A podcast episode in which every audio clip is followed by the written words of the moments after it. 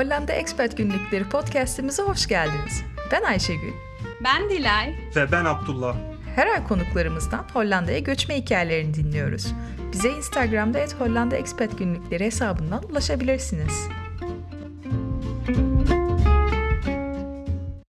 Merhabalar Ayşegül, nasılsın? Ben iyiyim. Dilay ve Abdullah siz nasılsınız? İyiyiz Ayşegül, teşekkür ederiz. Nasıl geçti bu ay? Bu ayın inişleri ve çıkışları olmakla birlikte genellikle Ukrayna-Rusya savaşını takiple geçti. Siz siz nasılsınız? Sizde ne var ne yok? Vallahi dediğin gibi biz de birazcık Ukrayna'ya odaklandık. Hollanda'ya etkisi ne olur birazcık onlara şey yaptık. Şimdiden etkilerini görmeye başladık vallahi. Marketlerde iki haftadır falan ben un göremiyorum. Ayçiçek yağı bölümleri de hep boş. Hızlı bir şekilde etkileri hissedilmeye başladı. Ki daha göçmenler Hollanda'ya kadar geldiler mi bilmiyorum ama 10 milyon Ukraynalı'nın şu an hareket halinde olduğunu söylüyorlar. Hani bunlardan ne kadarı Avrupa'ya gelir, ne kadarı Hollanda'ya gelir hani onu daha bilmiyoruz ama önümüzdeki aylarda sanırım iyiden iyiye hissedeceğiz gibi bu savaşı.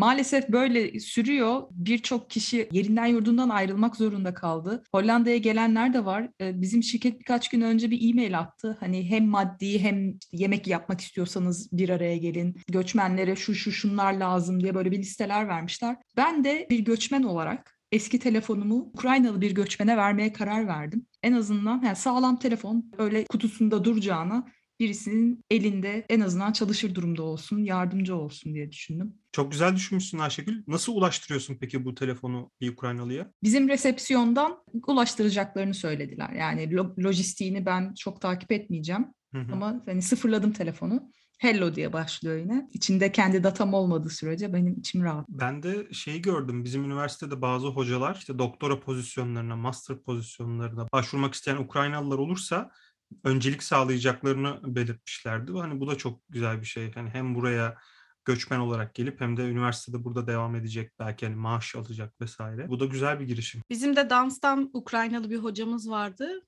Instagram'dan an an takip ettim Ukrayna'dan çıkışını. Nispeten kolay bir çıkış oldu. Çok kötü şeylerle karşılaşmadılar ama yakında bir dans festivalleri var. Önceden planlanmış bir şey. Partnerin Norveçli ve Norveç'te olacak.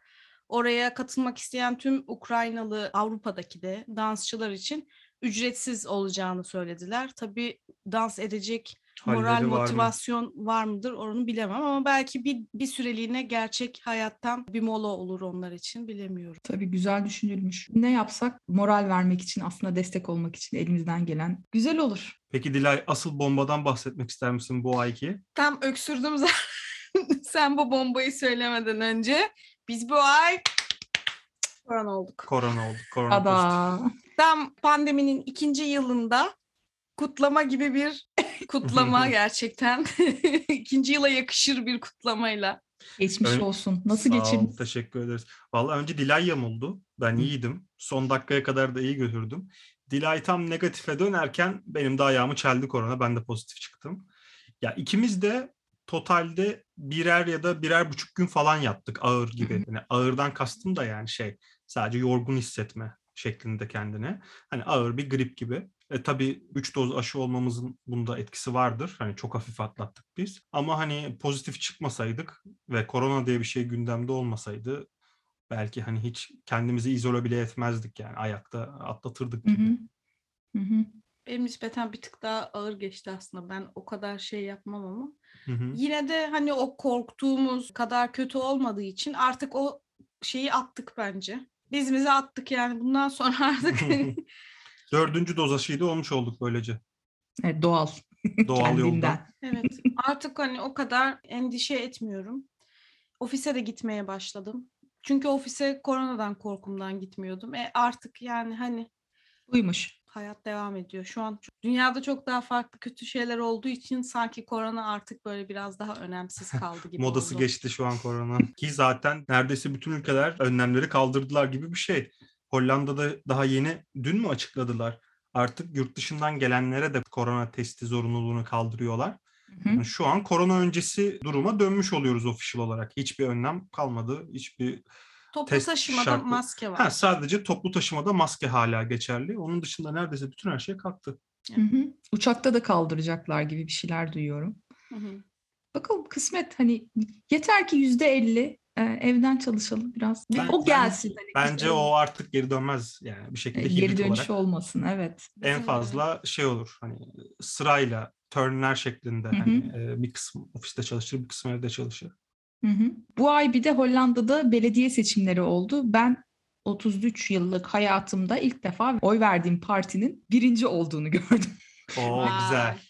İçime içimin yağları eridi yani. Sorabiliyor muyuz hangi parti?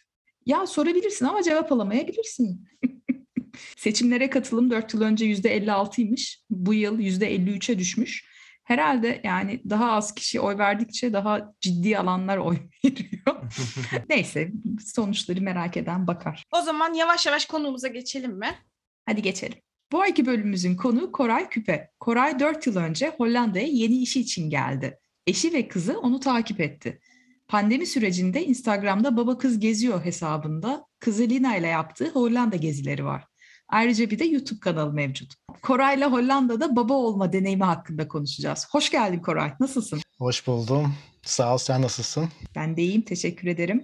Seni kısaca tanıyabilir miyiz? Ee, Ben Koray Küpe, 33 yaşındayım. Bilgisayar mühendisliği mezunuyum. Yazılım sektöründe bir şirkette çalışıyorum. 2017 yılında İstanbul'dan Hollanda'nın Eindhoven şehrine iş bularak geldim. Önce ben geldim, ev buldum falan. Ondan sonra bir ay sonra da eşim ve kızımı getirdim. Geldiğimizde 4 aylıktı, şimdi 4,5 yaşında. Baba kız Instagram hesabında geçen sene açtım. Gezip dolaştıkça kızımla paylaşımlar yapıyorum. Hollanda'ya göç hikayeniz nasıl başladı? Lina doğmadan önce başladı aslında bu düşünce. İş aramalarına başlamıştım ben. Sadece Hollanda değil Almanya olsun hatta Avrupa'nın birçok ülkesinden iş ilanlarına başvurmaya başlamıştım. Eşimle yurt dışına taşıma fikrinde hem fikirdik. Daha sonra çocuk olacağını öğrendik. Eşimin hamile olduğu haberini aldık. Planlar değişti. Benim fikrim değişmedi. Ben biraz kafaya takmıştım ve e, iş başvurularına bütün hızıyla devam ettim. Tabii eşimin düşünceleri değişti. Küçük bir çocukla doğar doğmaz yurt dışına gitmek istemedi. Çocuk biraz büyüsün ondan sonra gidelim diyordu. Fakat ben de önüme çıkan fırsatları değerlendirmek istiyordum. Aslında çocuk olacağını öğrendikten sonra bu benim birinci önceliğim haline geldi. Yani Türkiye'de çeşitli problemler vardı tabii ekonomik olsun, iş yaşam dengesinin olmaması olsun, stresli bir hayat olsun. Çocuk olması hepsinin önüne geçti. Çocuğu daha güzel, daha iyi bir yerde nasıl yetiştirebilirim fikri benim için en büyük motivasyon kaynağı oldu. En son karşıma çıkan seçenekler arasında Almanya vardı, Hollanda vardı. Hollanda bize daha sıcak geldi. Hem dil açısından hem de bilmiyorum bir şekilde daha ısındık ve Hollanda'yı tercih ettik. İyi ki de gelmişsiniz. Teşekkürler. Lina Türkiye'de doğdu ama eğer Hollanda'da doğsaydı babalık izni ne kadar olurdu? Onun hakkında bilgin var mı? Hollanda'da doğsaydı sanırım geçen sene bu süre bayağı bir yükseltildi. Çünkü bunun konusu geçti hatta ikinci çocuk, üçüncü çocuk falan filan diye şirkette bunun muhabbeti yapıldı. Tam süreyi bilmiyorum ama gayet güzel bir izin veriliyor diye biliyorum şu anda. Hı hı. Ben söyleyeyim Ağustos ayından itibaren babalık izni 6 hafta. 6 hafta, Güzel. bir buçuk ay. Allah Güzel. bereket versin. Hiç yoktan iyidir. Evet eskiden iki günmüş arkadaşlar. Bir gün hastaneye gidiyorsun. Ertesi günde nüfus dairesinde çocuğu kaydediyorsun. Sonra işine geri dönüyorsun. Türkiye'de öyle evet. E, Burada da öyleymiş işte. Burada da öyleymiş. Hmm. Yaşasın babalık. E, Vallahi yay. çocuk yapasım geldi ya. Evet. Hadi o zaman Tamam o zaman kapatalım. Evet şu konuyu kapatalım. Şimdi biz anne olmakla ilgili zaten bir bölüm yapmıştık öncesinde. O bölümde çocuğu doğurduk. Hollanda'ya geldik. Şimdi dedik ki bir de hikayenin baba tarafını dinleyelim. Hani şu çocuğu bir okula gönderelim dedik. Seninle bu bölümde daha baba olma deneyimleri ve hani Hollanda'da bir baba nelerle karşılaşıyor, bu süreç nasıl geçiyor bunları dinlemek istiyoruz. Öncelikle şöyle sorayım. Hollanda'da baba olmak nasıl bir duygu senin için? Hollanda'da baba olmak şöyle çok özgür bir ortam sunuyor size. Çocuğunuzu alıp dışarıda yapabileceğiniz birçok aktivite var ve birçok mekanda aslında çocuk dostu. İstanbul'da yaşasaydım nasıl bir hayatım olurdu, nasıl bir e, baba kız ilişkimiz olurdu onu sadece hayal edebiliyorum. Çünkü çocuk 4 aylıkken biz Hollanda'ya taşındık. E, ara sıra da Türkiye'ye tatile gittiğimizde kıyaslama yapabiliyorum. Açıkçası Türkiye'de yapabildiğimiz sadece AVM'ye gitmek. Hadi bir şey yapalım desek kalkıp mecburen AVM'ye gidiyoruz. Çünkü o etkinlik, oyun alanı AVM'nin içinde. Açık alanda yapabileceğimiz çok bir şey olduğunu olacağını sanmıyorum. Ama Hollanda'da durum tam tersi. Her şey açık alanda. Bir kere birincisi bisiklet. Bisikletle sürekli geziyoruz zaten. Atıyorum bisikletin arkasına. İstediğimiz yere geziyoruz. Her yer park dolu, yeşil alan dolu. Yazın özellikle çok daha güzel geçiyor Hollanda'da çocukla. Kışın tabii yapılacak aktiviteler biraz daha sınırlı. İki yılımızı pandemi yedi. O yüzden biraz zorlu bir süreçti ama Hollanda gerçekten bir baba için çok güzel imkanlar sunuyor diyebilirim. Peki bu Lina ile gezme fikri pandemi sürecinde mi ortaya çıktı? Pandemi sürecinde başladı. Evet aslında çocuğun dediğim gibi yaşıyla da alakalı. Artık baba çocuk gezebilecek kıvama gelmişti. Eşimin de tabii pandemi dolayısıyla işte o da bunalıma girdi. Ev işleri oluyordu falan derken diyordum ki gel Lina biz gidelim parka gidelim şuraya gidelim buraya gidelim aktivitelere bakıyordum gidilebilecek yerlere bakıyordum esasında biraz kendim de eğleniyorum eğlence parklarına falan gittiğimiz zaman benim de hoşuma gidiyor sanki biraz çocukluğumu yaşıyor gibiyim o yüzden ben de çok keyif alıyorum yani Eşinden bahsettin. Biz hep baba ve kızı görüyoruz. Bu çocuğun annesi nerede diye soruyorlardı sana. Ben de sana soruyorum. Nerede bu çocuğun annesi? Bu soruyu evet soruyorlar Instagram hesabımda. Hatta eşim böyle gördükçe cinleri cinleri Çocuk sahipsiz geliyor. değil. Evet ben de buradayım falan filan diye. Hatta bir ara dedi ki bu hesabı kapat çok uğraşıyorsun çok ilgileniyorsun falan. İlk başlarda böyle şeyler oldu. Şimdi artık o da kabullendi. Yani ben bu hesabı konsept olsun diye açtım. Hani hep anneler ve çocuklarla ilgili hesaplar var. Hiç baba çocuk e, ön planda görmedim. Vardır mutlaka ama biraz farklı olsun istedim. İlk başta da herkese farklı geldi. İlk takip edenler çok olumlu yorumlar yazdılar. Dedim ki güzel gidecek herhalde. Öyle aslında e, anne de çoğu zaman bizimle geziyor. Ya çoğu zaman dediğim yakın yerlere tabii gidebiliyoruz baba kız olarak. Uzak yerlere tabii ki de eşim de geliyor. Ben senin hesabı açtığın ilk takipçilerinden birinim belki hatırlıyorum yani hani. Çünkü isim gerçekten yakalıyor ve diyorsun ki aa evet ya hani bakalım nereleri geziyorlar Hollanda'da. Bayağı da geziyorsunuz. Nasıl peki Lina ile gezmek? Yani nereleri geziyorsunuz? Nasıl deneyimliyorsunuz Hollanda'yı? Ve bir de gezeceğiniz yerlere beraber mi karar veriyorsunuz? Lina'nın sevdiği yerlere mi gidiyorsunuz? Nasıl? Ya o çok araştırıp görecek yaşta değil şu anda. Daha çevrede olup bitenin o kadar farkında değil. Ee, ben tabii seçiyorum dolayısıyla. Yani ne bileyim işte yaz geldiği zaman eğlence parkları açılıyor. Çocuğun yaşına uygun olanları buluyorum özellikle. Onlara götürüyorum. Onun dışında tabii işte eskiden hayvanat bahçesi gezisi falan yapıyorduk. Şimdi artık onları bıraktım. Biraz hayvanat bahçelerine mesafeliyim. Ama onun dışında burada biliyorsunuz Hollanda'da bol bol hayvanları yakından görebileceğiniz, besleyebileceğiniz yerler var. Çiftlik tarzında. Oralara bol bol gidiyoruz. Onun dışında parklar var. Lina'nın tercih ettiği parklar. Yani o tabii diyor ki biz daha önce buraya gitmiştik. Bir kere gittikten sonra orayı tekrar istiyor, hatırlıyor. Unutmuyor gittiği yerleri. Baba işte burası ne zaman açılacak? Hadi gidelim. Diyorum ki hafta içi bugün kapalı.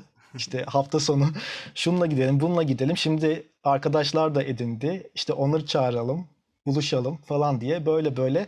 O da sizi çocuk aslında sizi alıp sosyal bir ortamın içine sokuyor. Biz dışarıda çok geziyoruz ama bazen fark ediyorum akşam karanlık olmuş 7'den sonra etrafta hiç çocuk görmüyorum. Yani genel olarak bir herkes evlerine çekiliyor ama hani çocuk neredeyse sadece işte ben ve Lina. Başka bir çocuk görürsem de muhtemelen Türk oluyor. Çok erken saatte uyuyorlar ve çok erken saatte de kalkıyorlar çocuklar. Böyle bir düzenleri var benim gördüğüm kadarıyla. Biz yine kendi düzenimize devam ediyoruz. Saat 9'da anca uyumuş oluyor. 7'den sonra da ortalıkta birini görürseniz o muhtemelen bizizdir.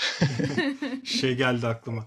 Türkiye'de şimdi aileler hep akşam ezanını kullanırlar ya. Akşam Evet. ezanından önce evde ol. Şimdi burada ezan okunmadığı için olabilir hani bir e, time constraint yok dışarıda durmaya. Yani bazen tuhaf da bakıyorlar. Mesela akşam geç bir saatte bir kez bar kafe tarzı bir mekana gitmiştik. Böyle dönüp bakıyorlar hani çocuk bu saatte ne işi var burada falan diye. Tabii bilmiyorlar ki bizim çocuğu bırakacak hiç kimsemiz yok. Ee, Birazcık kafa dağıtmaya gelmişiz ve bizim çocuğumuz geç uyuyor. Evet. Her çocuğun farklı zaten yani alıştığı düzen Evet. ama Peki örnek olarak verebileceğin çocukları beğenebileceği yerler nereler? En çok nerelerde keyif alıyor? Hani buradan diğer babalara da belki fikir olabilir.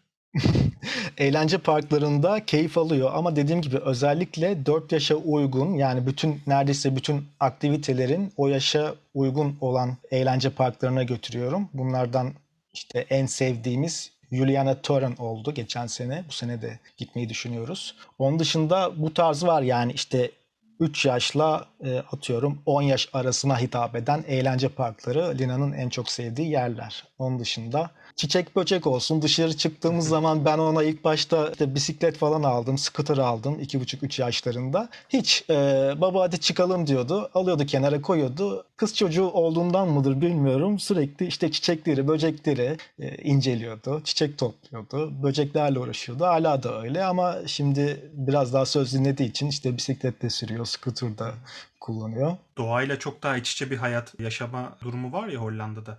Belki de hani çocuk doğayla daha farkında bir şekilde büyüyordur. Belki o yüzden ilgisini çekiyordur. Bize garip geliyor ama belki de doğalı budur. Doğayla iç içe büyüyen bir çocuk belki onlara daha ilgi gösteriyordur. Kesinlikle nasıl bir ortam sunarsanız çocuğa merakı da ona göre gelişir. Hollanda'da bol bol doğa sunduğu için çocuklara onun da mutlaka ilgisini çekiyordur ama biraz da tabii şey hem kişisel hem çocuğa çocuğun e, ilgi alanları hem de kız erkek ayrımından olduğunu da düşünüyorum açıkçası.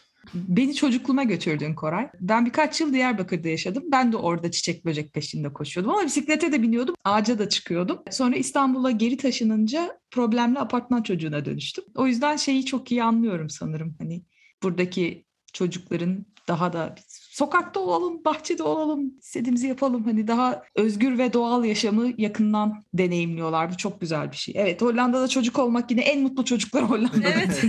Yine dönüp dolaşıp o konuya geldik ama doğru. Yani üstünü de kirletebildiği, ıslanadabildiği bir alan var. Yani AVM'de fayans saymak etkinliğindense çiçek saysın, böcek saysın. Evet. Ben şeyi çok merak ediyorum. Koray'a onu sormak istiyorum.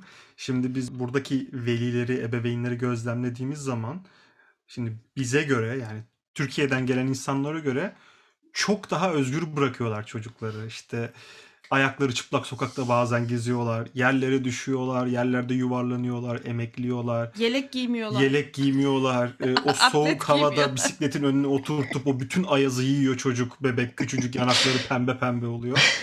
Yani bu tarz şeyleri yaşıyor musun? Kültürün bize hani içgüdüsel olarak yerleştirdiği şeylerin çatışmasını hissediyor musun içinde diğer Hollandalı ebeveynlerle karşılaştığında?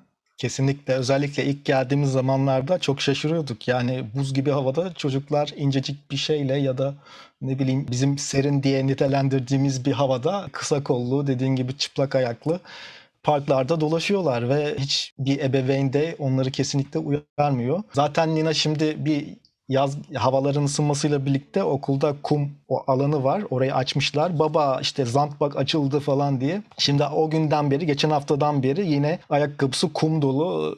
Her gün o şekilde eve geliyor ve öğretmen de bunu bir kez konuştuk. Gülüyor yani. Hani kesinlikle çocuklara karışmıyorlar. Yok üstünü kirletirsin falan filan. Kesinlikle çocukları serbest bırakıyorlar ve günde 3 kez mutlaka dışarı çıkıyorlar. Hem binanın içini, sınıfın içini havalandırmak adına hem de çocuklar hava alsın diye. Benim gözlemlediğim ilk başlardan beri Lina biraz daha o soğuğa ve hava değişimlerine karşı dayanıklı oldu gibime geliyor. Bence tabii genlerinde de olduğunu düşünüyorum Hollandalı çocukların ama ne kadar soğuğa alışırsan o kadar dayanıklı oluyorsun. Bağışıklık sistemi ne kadar erken yaşta bu hava şartlarına maruz kalırsa ona göre kendisini adapte ediyor sanırım. Evet, bence öyle. Ya şimdi düşünüyorum aynısını Türkiye'de bir çocuğa yapsalar düşün. Özel okula gönderiyorsun çocuğunu. Ya benim çocuğumu nasıl böyle işte çıplak dolaştırırsın? O kadar para veriyoruz. Ben, o, ben buraya o kadar para veriyorum falan diye gidip öğretmenin yakası, yakasına yapışırlar diye düşünüyorum. Çünkü öyle bir zihniyetten geldik. Ee, burada durum çok farklı yani o açıdan. Peki şimdi Lina 4 yaşında ve burada ilkokul seviyesine gidiyor. Değil mi? Evet, buradaki grup 1, grup 2 e, ya ilkokul diye geçiyor ama grup 1, grup 2 anaokuluna denk geliyor Türkiye'de. Bundan öncesinde grup 1 4 yaşında opsiyonel yani isterseniz göndermeyebiliyorsunuz ama grup 2'den yani 5 yaşından itibaren zorunlu okul. Ama genelde aileler grup 1'den başlatıyorlar. Grup 1'den önce de oyun grubu şeklindeydi. Haftada 2 gün yarımşar gündendi. Çocuk Hollandaca bilmiyorsa, konuşma problemleri varsa belediye de size iki gün daha veriyor. Belediye ya da devlet tam emin değilim. İki gün daha size ücretsiz veriyorlar. Haftada dört gün olmak üzere hem okula alışsın diye hem de orada işte dilini geliştirsin, arkadaş edinsin diye başlatabiliyorsunuz. Peki bu okulu nasıl seçiyorsunuz? Yani siz bir okul mu seçtiniz yoksa en yakın neresiyse oraya mı gönderdiniz? En yakın neresiyse aslında biz oraya gönderdik ve memnun da kaldık. Memnun kaldığımız için okul öncesi kısımla genelde normal okul hep yan yana oluyor. iki ayrı bina. Biz memnun kaldığımız için öğretmenleriyle görüştük. Olumlu geri bildirim verdiler çocuk hakkında. Dolayısıyla hemen yanındaki okuldan devam ettirdik ve şu anda gayet memnunuz. Ama bana çok soran oluyor işte yeni geldik e, okul araştırmasını nasıl yapıyorsunuz falan diye. Bilmiyorum sanki Türklerde biraz daha böyle okul aman en iyisi olsun işte çok araştırmacı bir şey var yaklaşım var gibi geliyor bana. Hollanda'da ben okulların belli bir standardı olduğunu düşünüyorum. Hani çok kötü okul çok iyi okul ayrımı yok. Biraz daha iyi okullar vardır mutlaka. Onlarda da sıra oluyormuş işte sıraya yazılıyorsunuz bekliyorsunuz. Bizde öyle bir durum olmadı. Biz en yakın okuldan memnun kaldık. Şimdilik bu şekilde devam ediyor. E, biraz da araştırdım. Dediler ki çevreye göre iyi bir okul ve büyük ölçüde de çocuğun kendisinde bitiyor. Doğru. Yani farklı farklı eğitim metotları uyguluyor okullar. İşte Dalton var, işte klasik okul var. Bu bizimkisi klasik okul. Çok büyük bir farklılık olduğunu sanmıyorum. Genellikle Hollandalıların mentalitesi işte hep aynı. Çocuğa belli bir özgürlük ortamı sağlayıp e, aynı zamanda da doğruları bir şekilde öğretmek. Genel yaklaşım bu şekilde diye düşünüyorum. Onun dışında yeni gelenler yine bana şey soruyor. International okula mı gönderiyorsunuz, normal okula mı diye. Ben direkt normal okul tercih ettim. Şimdi international school'lar hem maddi olarak bizi zorlardı birincisi. İkincisi de benim duyduğum gördüğüm kadarıyla orada biraz daha Hollanda kültüründen kopuk büyüyormuş çocuklar. O yüzden buraya uzun vadeli yaşama niyetiyle geldiğimiz için ben direkt normal okula verdim. Hiç de pişmanlık duymuyorum. Yani kısa süreli kalmayacaksanız eğer Hollanda'da bir sene, iki sene bence direkt normal Hollandalıların gönderdiği okula göndermekte fayda var. Evet biz de birkaç kişiden daha duymuştuk. Hollanda'nın sonrasında başka yere göçme ihtimali olan insanlar genelde hani international school'ları tercih ediyor. Çocuk tekrar böyle bir adaptasyon problemi yaşamasın, bir dilden diğer dile geçmesin diye. E, ama hani bize de açıkçası şey mantıklı geliyor. Eğer Hollanda'da kalma planı varsa hani o çocuk buraya ne kadar hızlı adapte olursa onun için o kadar iyi sanırım. Evet yani adaptasyon sorunuyla ilgili de şunu söyleyeyim. Çevremden duyuyorum 4 yaşında 5 yaşında genelde o yaşta çocuklarla geliyorlar yeni nesil ekspatlar. Çocuğun okula alışmasıyla ilgili sorunlar yaşayanlar var. Biz de ilk oyun grubuna gönderdiğimizde Lina krizlere giriyordu, ağlıyordu. Eşim çok daha duygusaldı bu konuda. İşte kapıda bekliyorduk. Ee, içeride çocuk ağlıyor, susturmaya çalışıyorlar, ilgileniyorlar, kucağına alıyorlar, susturmaya çalışıyorlar ama biz hani bir yandan acaba dillerini anlamıyor da o yüzden mi diye. Türkiye'de olsa böyle bir şey olmayacaktı. Boşu boşuna biz burada çile çekiyoruz diye bir hisse kapılıyorduk. Halbuki evet dil dilin de büyük bir etkisi olsa da kısa sürede çocuklar alışıyorlar. Bir şekilde kendi aralarında çocuklar işini halledebiliyorlar. Türkiye'de gitse de kreşe zorlanacaktı. Belki bu kadar olmayacaktı ama sonuç olarak şimdi koşa koşa gidiyor diyebilirim. Yani ilk başlarda o ağlayan çocuk inanamazsınız. Ağlamaktan kusmuştu artık ilk günlerde. Şimdilerde baba diyor bugün yarım gün mü ben tam gün gitsem olur mu falan.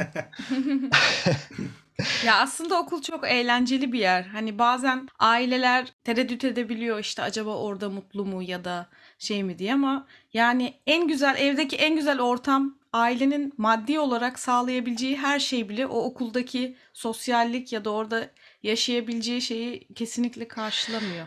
Kesinlikle doğru. Ebeveynler artık yetmiyor evde. Yani biz kesinlikle o okulda o arkadaşlarıyla geçireceği vaktin aynısını sağlayamayız. Altından da kalkamıyoruz zaten evde, oldukça. Bu anlattıklarımın hepsi tabii kendi kişisel deneyimlerim. Herkesin yaşadığı deneyimler farklı. Çok farklı hikayeler de duyuyorum. Bu arada okulla ilgili konuşmuşken Hollandaca öğrenme sürecinden de bahsedeyim çocuğun. Grup 1'e başlarken bizim endişelerimiz vardı. Çünkü pandemiden dolayı oyun grubuna fazla katılım sağlayamamıştı Lina. E, Hollandacayı da çok fazla öğrenememişti. Tek tük birkaç kelime söyleyebiliyordu. Öğretmenler dedi ki hiçbir sorun olmaz. Grup 1'de hızlı bir şekilde öğrenir, telafi eder dediler. Ama yeni gelen bazı arkadaşlardan duyduğum kadarıyla mesela 5 yaşında gelen bir çocuk, 6 yaşında gelen bir çocuk ilk başta dil okuluna yönlendiriliyor. Dolayısıyla bir sene kaybı olmuş oluyor ama mecbur yani 5 yaşında gelen bir çocuk, 6 yaşında gelen bir çocuk belki daha zorlanacak. O biraz okulla görüşme sonrası verilen bir karar. Hani bana da çok sorulan sorulardan bir tanesi dil okuluna gitmesi gerekecek mi benim çocuğumun? Bizim için öyle olmadı. Öğretmenlerle görüştükten sonra bir değerlendirme yapılıyor genelde ve e, yaklaşık 6 ay sonrasında da ciddi bir fark görüyorsunuz. Yani Hollandaca kelimeler, cümleler duymaya başlıyorsunuz. Hatta şarkılar bile söylediğini görüyorsunuz. Tabii Ee, çocukların potansiyelini biz öngöremiyoruz. Yani biz kendimiz gibi düşünüyoruz ama onlar bir anda fişek gibi ilerleme kaydedebiliyorlar. Evet çocuklar gerçekten çok hızlı öğreniyor. Yani duydum, herkesten de duyduğum bu aynı. Bu arada biz okula hiç kesinlikle bir ücret ödemiyoruz. Normalde bazı okullarda zorunlu olmayan, altını çizerek söylüyorum, Türkiye'deki gibi bağış adı altında zorunlu toplanan para değil. Gerçekten imkanınız varsa vermek istiyorsanız verdiğiniz bir para talep edilebiliyor. Bizim okulda öyle bir şey olmadı. Tamamen ücretsiz. Sadece ekstra bazı aktiviteler oluyor. Onun için de farklı bir firmayla çalışıyorlar. Onlar da çok çok makul fiyatlarla çok güzel ekstra aktiviteler. Bir tane dinleyici sorusu gelsin o zaman. Hazır konusu gelmişken. Anne baba baş başa bir şey yapacağınız zaman ne yapıyorsunuz? Maalesef Ya baş başa yapıyor pek- musunuz? maalesef baş başa vakit geçirme imkanımız pek olmuyor. Çünkü Hollanda'da çok yakın hissettiğimiz yani bir akrabamız vesaire yok. Arkadaşlarımız var tabii onlara da çocuğu bırakamayız. Sağ olsun bir tane ilk geldiğimizde Hollandalı bir komşumuz yaşlı bir teyze e, şey demişti hani bir işiniz olursa çocuğu bana bırakabilirsiniz falan böyle. Biz tabii öyle olduğunu an, hissettim ben. Hollandaca konuştu. Ben tam Hollandaca kelimeleri anlayamadım ama hissettim. O yüzden öyle iyi niyetli insanlar da çok var etrafımızda ama tabii biz onu yapamıyoruz şu anda. Daha zamanı gelmedi diyorsun. Daha zamanı gelmedi. Eğer olur da hani çok nadir e, bizim kendi ebeveynlerimiz, annemiz, babamız falan buraya gelirse o zaman yapabiliyoruz. Ya da Türkiye'ye gittiğimiz zaman acısını o, şekilde çıkartıyoruz. Ben hiç bilmediğim için soruyorum. Bu akşamları falan böyle hani after school'un daha uzun bir versiyonu gibi böyle bir iki saatlik bırakabileceğin opsiyonlar var mı? Var. Yani BSO diye geçiyor yanlış hatırlamıyorsam. Çok iyi bilmiyorum göndermediğimiz için ama after school bakımı var. Fiyatları falan çok yüksek diye biliyorum ama bir iki saatlik falan gönderebilirsiniz yine isterseniz. Öyle opsiyonlar var. Tabii tam zamanlı çalışan anne babalar ne yapıyor? Mecburen Tabii. oraya Evet. gönderiyorlar. Pandemi zamanında da açıktı diye biliyorum büyük ölçüde onlar. Anne babanın baş başa date çıkması konusunda biz göçmenlerin sanırım en büyük dezavantajı bir aile bireylerimizin yakın işte bir kardeşinin bir kuzeninin olmaması, bırakamaman çocuğu. E, Ya bir neni tutacaksın ya da işte Türkiye'den anneni babanı getireceksin bir şekilde.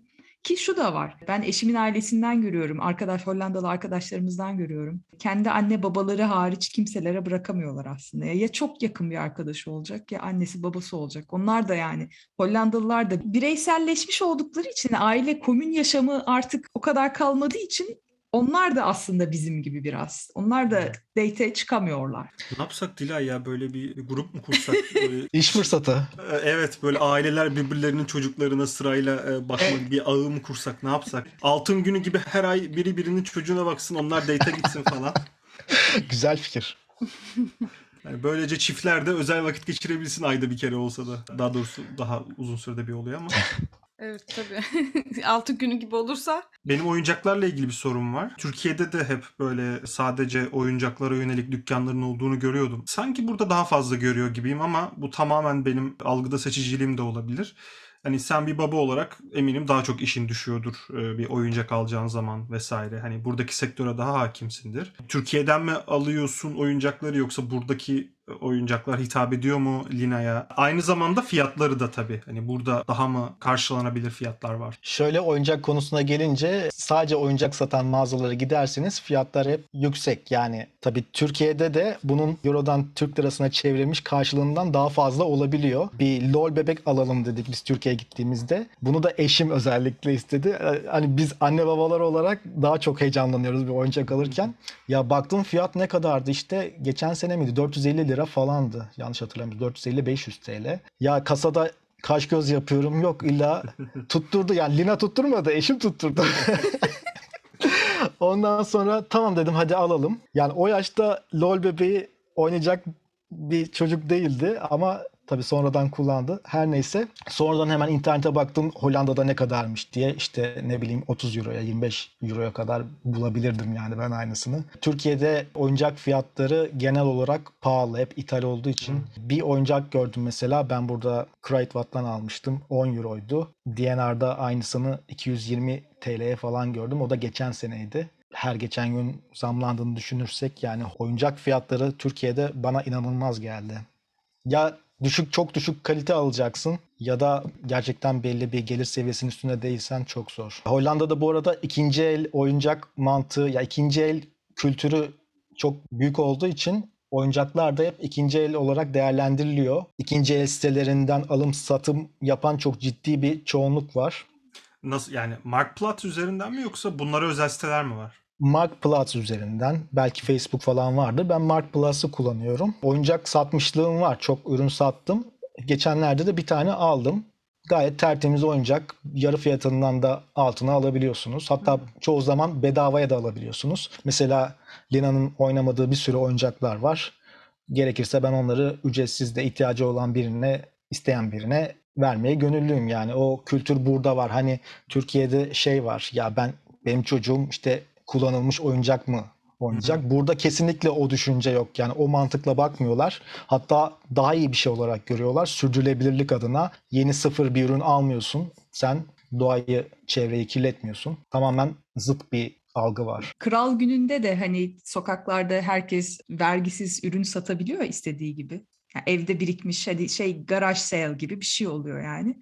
Bir arkadaşım e, birkaç yıl önce Den Haag'a özellikle oyuncak almak için geldi tamam mı? İki yaşındaydı ikizleri. Lahey'in kalburüstü mahallelerinde satılan ikinci el oyuncakları almak için özel gelmişti. Hani Hollandalı yapıyor yani bunu.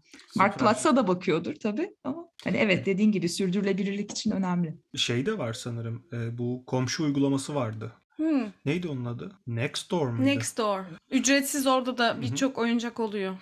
Ben de arada görüyorum. Bizim mahallede işte bazen bedavaya koyuyorlar, bazen düşük fiyatlara koyuyorlar. Arada oyuncak koyduklarını da görüyorum. Kendi mahallenizde de kontrol edebilirsiniz bu uygulamadan. Her mahallede çok aktif kullanılmıyor galiba ama mutlaka şeylerde vardır. Büyük şehirlerde yani Amsterdam, Rotterdam. Peki burada çocuğun beslenmesi nasıl oluyor? Buradaki okullarda hani siz mi yapıp gönderiyorsunuz? Orada mı yiyorlar? Nasıl oluyor? E, biz koyuyoruz, bizden koymamızı bekliyorlar. Aslında pandemi öncesinde böyle ekmek arası bir şeyler veriyorlardı çocuklara oyun grubunda.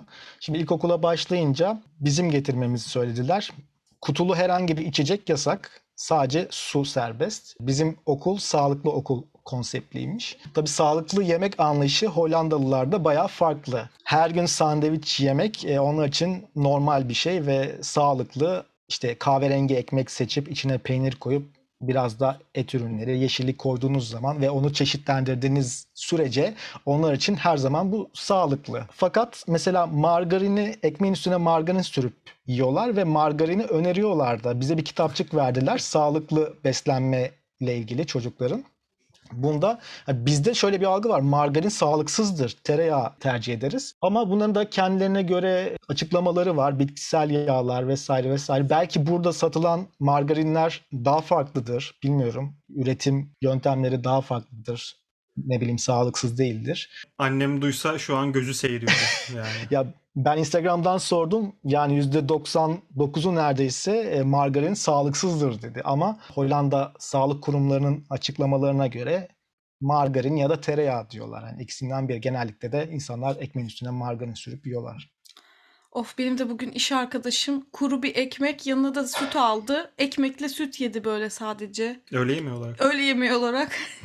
Sonra biz Yani- de işte şey lahana sarmasını mikrodalgada ısıtıp yiyoruz onların yanında falan böyle bir garip bir ortam. Çocuk gibiler gerçekten. Koskoca şirketin CEO'su geliyor mesela masaya oturuyor. Ekmeğin üstüne böyle bir de bayıla bayıla bayıla bayıla sürüyorlar. Yani onu her gün aynı şeyi yiyorsun. Her gün nasıl lekker lekker aynı şeyi yiyebiliyorsun. Ben aklımı almıyor. Ee, Yani çok çeşitli şeyler de sürmüyorlar hani.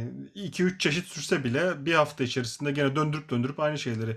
Ya yumurta salatası sürüyor ya Humus sürüyor. humus sürüyor. Humus. Ya Tereyağı sürüyor. Margarin File sürüyor. Başka bir şeyler. Ya da file Amerikan Hadi şey yapıyor. hadi file Amerikan humus biraz hadi biraz vitaminli. protein var en azından birazcık Yani. içinde. Ya bir de hep çiğ et mesela file Amerikan dediğinizde bildiğim kadarıyla çiğ et. Çiğ et ve soğuk yemek gerçekten hiç bana göre değil. Hiç alışamadım. Lina da şey görüyor bu sprinkles neydi? Hagelslag markette giriyor. Baba ıy diyor iğrenç. Okulda yiyorlar bunu diyor iğrenç.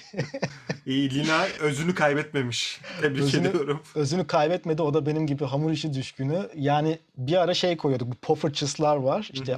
Mini krep gibi görüyoruz biz onu. Üstüne pudra şekeri falan serpmeden çantasına koyuyorduk. Yok o da yasakmış. E, Niye? Çünkü diğer çocukların canı çekermiş. Yani koyabileceğimiz şeyler çok sınırlı ve Lena da kaşar ekmekten başka hiçbir şey yemiyor. Bir de salam şimdi son zamanlar diyor. Öğretmene sorduk dedik ne yapacağız? Nasıl çeşitlendirebiliriz? Dedi ki bir tane çocuk var dedi. Bir sene boyunca sadece aynı şeyi yedi dedi. Yani biz de biraz çeşitlendirmeye çalışıyoruz. Şimdilerde işte arada reçel sürüyoruz. Okuldan görüyor aslında meyve yeme alışkanlığı hiç yoktu. Okulda bu arada meyve veriyorlar. Haftanın 3 günü okul veriyor. 2 günde biz koyuyoruz. Her gün düzenli meyve yeme alışkanlığı edindi. O açıdan bizim çok hoşumuza gidiyor. Yani sandviç olarak da sağlıklı ekmeklerden o kahverengi, tahıllı, tam buğdaylı falan ekmeklerden koymaya çalışıyoruz. Benim bir tavsiyem var sana.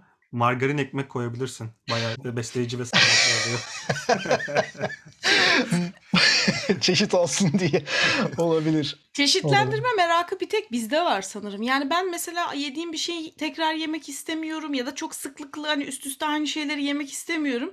Ama Hollanda'da hani farklı bir şey yiyeyim, çeşit şey yapayım gibi bir Tabii şey canım yok. biz aynı ekmeği bile yemiyoruz yani atıyorum Arada marketten. ekmek çeşidini Evet, değiştirirsin. Atıyorum ekmeği hep aynı marka, aynı renkte aldıysak başka bir hafta başka bir renk, başka bir marka yiyoruz ki hani çeşitlensin diye, vücuda farklı vitaminler girsin diye. Onların hiç öyle bir derdi yok sanki. Ben asimile oluyorum galiba. Albert Einstein'de geçen hafta ısmarladıklarımın neredeyse aynısını bu hafta ısmarlıyorum. Ve aynı yemek yani haftada 3 yemek yapıyorsak tencere her hafta aynı rutinde dönüyor onlar. Ben biraz evet olmuşum ben. Sen ama şimdi eş durumundan e, daha çok şey yapıyorsun, maruz kalıyorsun normal. Evet. Evet. Buradaki bazı Türklerin çocuklarıyla ilgili şeyler de duyuyorum. Okulda yediklerini tatlı niyetine yiyorlarmış. Eve gelip bir de asıl ana yemeği tekrar yiyorlarmış. Ne yapsın annesi babasının içi rahat etmiyordur. Ah ah ah. Yani bu çocuklar hasta olmuyorsa, sağlıklıysa biz bir yerde bir şey yanlış mı biliyoruz yapıyoruz Valla bu acaba adamlar yani? margarin yedikleri halde bizden daha uzun yaşıyorlarsa, daha sağlıklı yaşıyorlarsa Hasta olmuyorlar, fitler. yani sanırım bizde bir sıkıntı var bilmiyorum. Vallahi ya.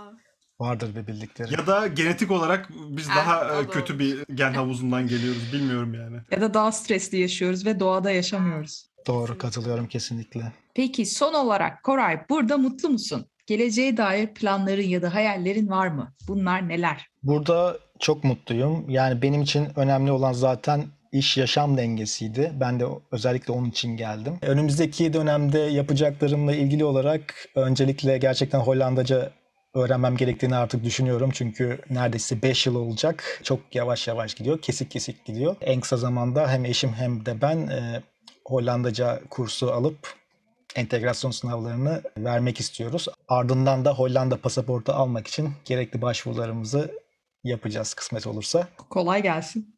Zaten merak etmeyin siz Hollandaca kursunu almasanız bile Lina yakında sizi zorlayacak Hollandaca öğrenmeniz konusunda. Evet, kesinlikle anlamamaktan korkuyoruz ama şu anda eşit gidiyoruz. Evet. Şimdi sırada bir soru bir cevap bölümümüz var Koray. Belki aşinasındır bu bölüme. Ben sana kısa kelimeler söyleyeceğim. Senin de aklında ilk beliren cevapları alacağım senden yine kısa cevaplar olarak. Hazır olduğunda başlayabiliriz. Hazırım. Papadag, Benim için özel bir gün. tema parklar, En sevdiğim. Pardon, Lina'nın en sevdiği. Keukenhof, Rengarenk bir lale dünyası. bisiklet, Özgürlük, YouTube, hobi, Hollanda'da musluk suyu, kireçli, margarin, sağlıklı. kinayeli bir cevap oldu. Ve son olarak Eindhoven. Mimarisi kötü ama yaşamak için güzel. Evet bu cevabı çok duyuyorum ben de. Yani insanlar yaşamın kolaylığını seviyorlar Eindhoven'da ama hani çok derin bir tarihinin olmaması ve hani estetik olarak çok hitap etmemesinden de sürekli yakınıyorlar. Evet bazen diyorum Hollanda'nın en çirkin şehrinde yaşıyoruz diye ama Şehir olarak güzel. yapılanmamış ki zaten. Hani 5-6 tane kasabanın köyün bir araya getirilip Işıklar Şehri diye Philips'i kurmuşlar. Bir de zamanında Philips'in yaptığı hep lojman tarzı evlermiş bildiğim Hı. kadarıyla. Philips kurmuş yani komple şehri. Öyle bugünlere gelmiş. Koray çok teşekkür ederiz cevapların için. Çok keyifli bir sohbet oldu. İyi ki geldin. Ben çok teşekkür ederim. Çok güzeldi sorular. Çok eğlendim. Tekrar görüşmek üzere inşallah. Umarım. Son olarak Hollanda'daki babalara tavsiye etmek istediğin bir şeyler var mı? Eşinizi biraz rahat bırakın. Kafasını dinlesin. Alın çocuğunuzu çıkın dolaşın gezin. Yapabilirsiniz. Mümkün. Hollanda'da gerçekten yapabileceğiniz çok aktivite var, çok şey var. Line'ye ve Evet. Gözde'ye de selamlar bizden. Çok teşekkürler. İletişeceğim. Hoşça Görüşmek kal. üzere. Hollanda Expat günlüklerini dinlediğiniz için çok teşekkür ederiz. Bizi Spotify'da takip etmeyi, Apple Podcast'te de puanlamayı unutmayın. Bir sonraki bölümümüzde görüşmek üzere. Hoşçakalın.